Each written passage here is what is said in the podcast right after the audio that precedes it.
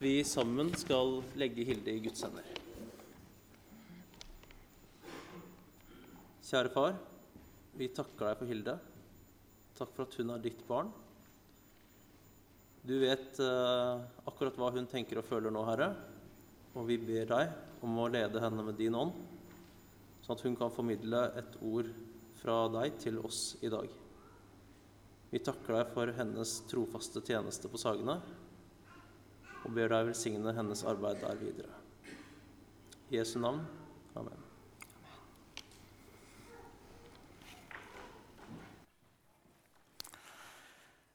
Da skal jeg begynne med å lese dagens tekst. I dag er det en festdag midt i fastetiden. Maria og Elisabeth. Noen dager senere dro Maria av sted og skyndte seg opp i fjellbygdene til den byen i Juda hvor Zakaria bodde. Der gikk hun inn til Elisabeth og hilste på henne. Da Elisabeth hørte Marias hilsen, sparket barnet i magen hennes. Hun ble fylt av Den hellige ånd og ropte høyt. Velsignet er du blant kvinner, og velsignet er frukten i ditt mors liv. Men hvordan kan det skje at min Herres mor kommer til meg? For da lyden av din hilsen nådde øret mitt, sparket barnet i magen min av fryd. Og salig er hun som trodde, for det som Herren har sagt henne, skal gå i oppfyllelse. Amen.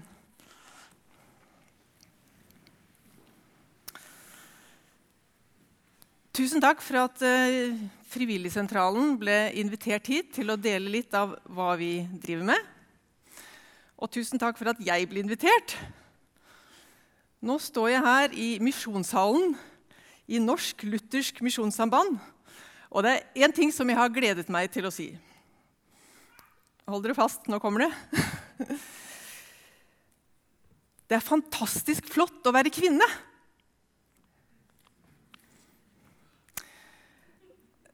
Det har ikke alltid føltes sånn for meg. Jeg syns jeg har blitt urettferdig behandlet. Jeg har blitt skuffet og såret over å måtte stille meg i annen rekke. Jeg har ikke blitt valgt ut, har ikke følt at jeg har passet inn, og jeg har kjent på avvisning. Og jeg har kjent på en ensomhet.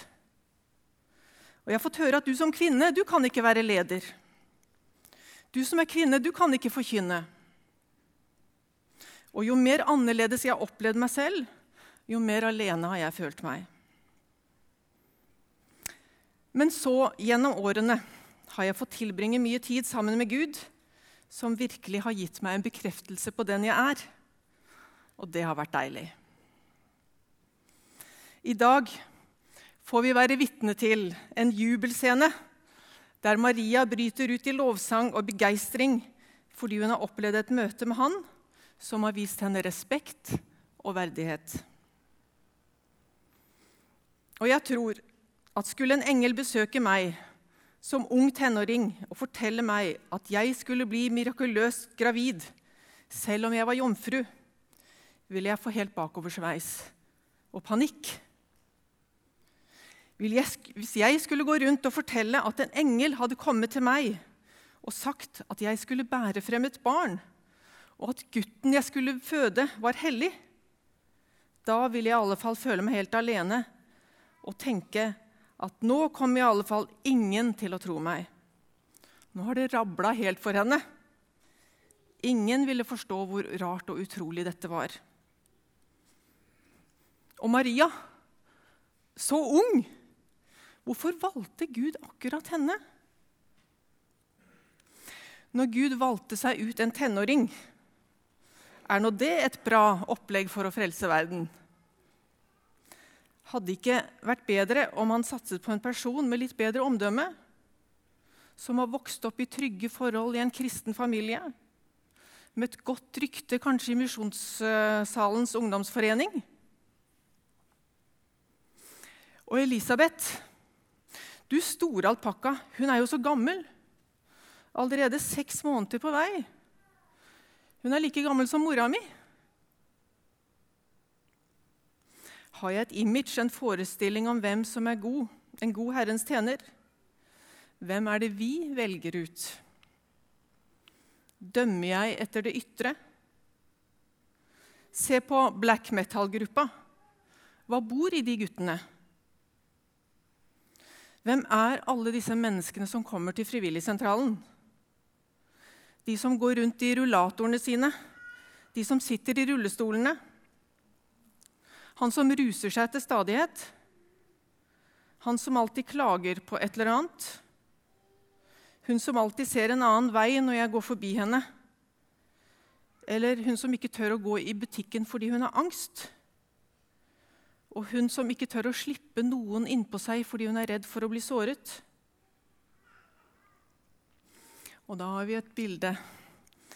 Tenk da så omtenksom Gud var at han ga Maria og Elisabeth til hverandre. To kvinner som møttes og fikk dele deres merkelige opplevelser med hverandre, og de kunne få gi hverandre kjærlighet og støtte.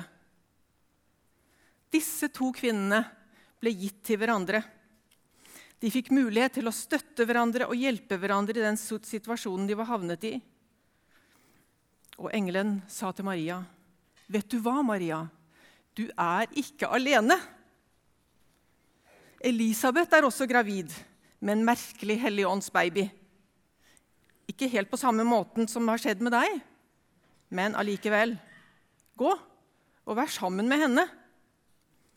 Og så legger Maria ut på en modig reise opp i fjellbygden der Elisabeth bor. Og da er det en skjør scene vi får et gløtt inn i når hun kommer. Disse to kvinnene som omfavner hverandre. Begge gravide med hvert sitt lille mirakel.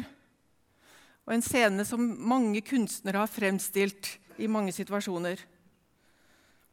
Og så fremfører døperen Johannes i Elisabeths hage, mage sin første liturgiske dans. For da lyden av din hilsen nådde mitt øre, hoppet barnet i meg av fryd, sier Elisabeth. Og så får vi være med på en gudstjeneste der Maria synger lovprisningssanger om Guds barmhjertighet. Min sjel opphøyer Herren, for han har sett til meg i min fattighet. I min lavhet, står det i andre oversettelser. Han har sett meg. To mennesker som har opplevd å være alene med en smerte, har fått en helt spesiell overnaturlig opplevelse som de nå kan få dele med hverandre. Et møte med Guds barmhjertighet. Maria og Elisabeth begge har blitt gravide på en ikke helt akseptabel måte.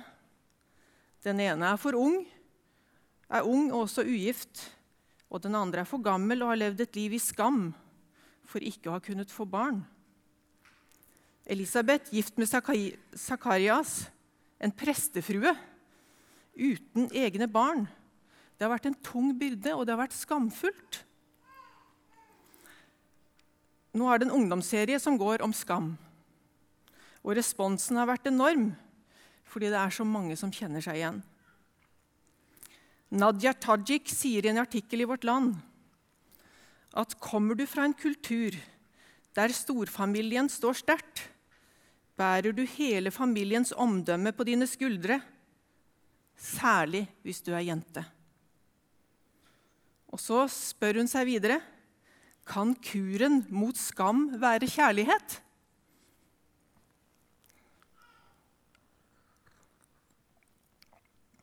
Maria og Elisabeth opplevde begge en ubeskrivelig glede over de barna de ventet. Og jeg er sikker på at disse to babyene fikk oppleve en sterk morskjærlighet fra dagen de ble født. De ble ønsket velkommen inn i denne verden med stor glede. Men mange i dag har opplevd å ikke være ønsket. Er jeg med på å la mennesker føle det om seg selv? Janne Haaland Martlari skriver i Vårt Land Jeg grøsser ved nyordet fosterreduksjon. Det er et teknisk og uskyldig ord, som når, man, når han fjerner en vorte eller reduserer fettlaget rundt magen. Det minste et samfunn med respekt for menneskeverdet må forlange, er at det å ta et liv betegnes med et ord som kommuniserer hva som skjer. Med hvilken respekt er det jeg møter de menneskene jeg omgås? Stenger jeg andre ute? Hva med flyktningene som banker på vår dør? Hvem skal vi ta imot? Bare de kristne? Ikke muslimer? Vi stenger folk ute ved hjelp av fysiske murer. Donald Trump vil bygge en mur mot Mexico. Men det finnes også murer vi har i våre egne hjerter. Frykt. Frykt for det som er fremmed. I Klassekampen forrige lørdag så leser jeg familier på flukt møter stengte grenser. Nei til barn og kvinner.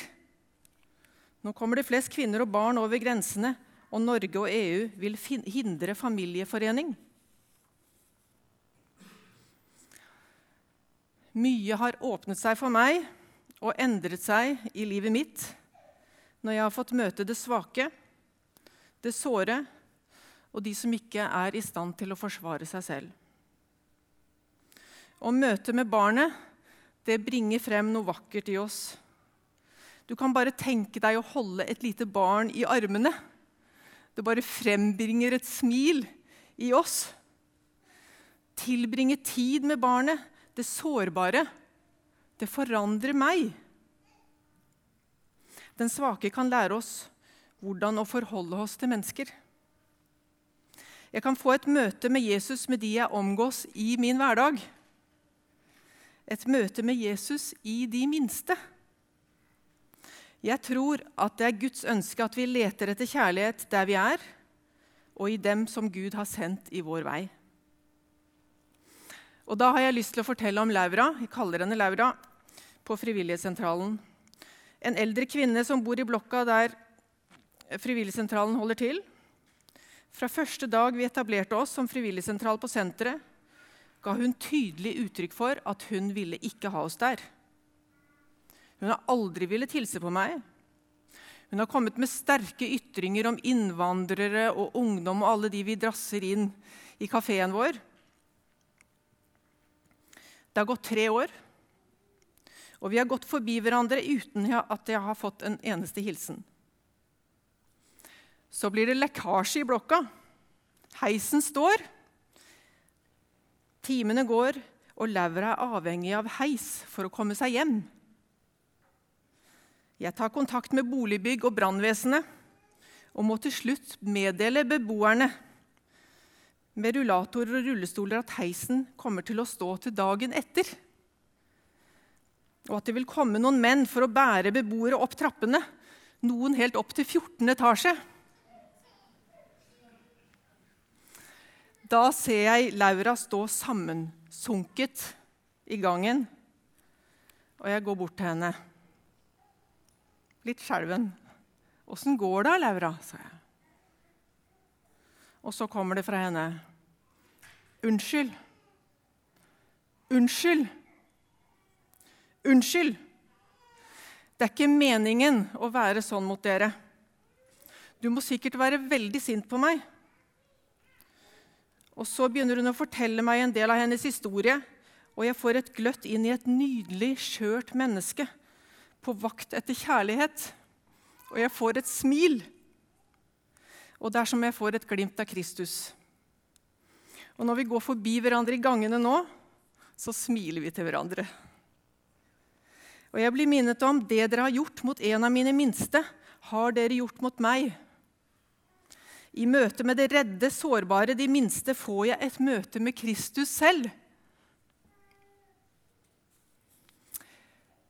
Jeg har en ikon hjemme med Maria som holder Jesus kinn mot kinn. Mange ikoner er kinn mot kinn, det nære. Og det er andre ikoner hvor Maria ser på Jesus med ømhet. Ømhet er en måte du ser på en annen. Varsomt. Uten å såre, uten å dømme, ikke ydmyke. En måte å lytte på, en måte å være på. Han så meg. Han ga meg et smil, øyekontakt. Gud kom med et ansikt. og lot meg kjenne på en tilhørighet. Og jeg ser for meg vårt første møte med mor. Første gang vi hørte vårt navn. Ble sett som en som var verd å elske. Vårt aller første møte. Øyeblikket da vi ble født. Da vi forlot tryggheten i mors liv. Da kjente vi et rop etter å bli elsket. Elsket i vår sårbarhet, i vår svakhet. Og vi har alle et behov for å kjenne ømhet og kjærlighet. Det er kommunikasjon som fører til smil, til hvile, til fred og tilfredsstillelse. Møtet med han får meg til å oppdage at jeg er helt spesiell. At jeg er noe. Du er noe. Du er Guds barn. Du er skapt i Guds bilde. Og det at Gud ble menneske, er Guds budskap til oss om at vi ikke er alene. Du er ikke alene med det du går og bærer på. Du er ikke alene med din tvil eller bekymring, med undringen og usikkerheten. Du er ikke alene. Gud har gitt oss til hverandre som et puslespill. Hver for oss er vi ganske så røffe i kantene. Vi er veldig forskjellige. Men det skulle ikke holde oss borte fra hverandre. Disse røffe kantene er ment til å passe sammen med andres ufullkommenheter. Der Gud er, der er nærvær. La oss leve dette nærværet. En av Frivilligsentralens målsetninger er 'Vi vil bygge fellesskap'. Jonny en av våre deltakere på Frivilligsentralen har sagt her har jeg fått meg verdens beste venner og familie. Og jeg har en bønn om at Gud også må kunne røre ved meg, slik han rørte ved Maria og Elisabeth, og at hans berøring må føre til liv og vekst, lik barnet som utviklet seg i Marias mage. Maria bar Jesus i ni måneder. Ordet ble kjøtt i henne. La oss bruke fastetiden til å ta imot barnet i oss og åpne oss for Guds nærvær i våre liv.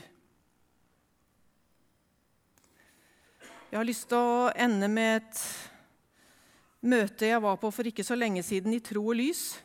Det er en økumenisk bevegelse for mennesker med utviklingshemming. På slutten av møtet var det nattverd. Og presten står og deler ut eh, nattverden, og ved siden av presten står André med Downs syndrom. Og han er også med og deler ut. Jeg kommer frem, mottar brødet fra presten og går bort til André. Dypper brødet i kalken, tar det til meg, spiser. Og så får jeg et stort smil fra André og tommelen opp. Det smilet og den tommelen opp, det har fulgt meg siden. Salig er du, Hilde, blant kvinner. Amen.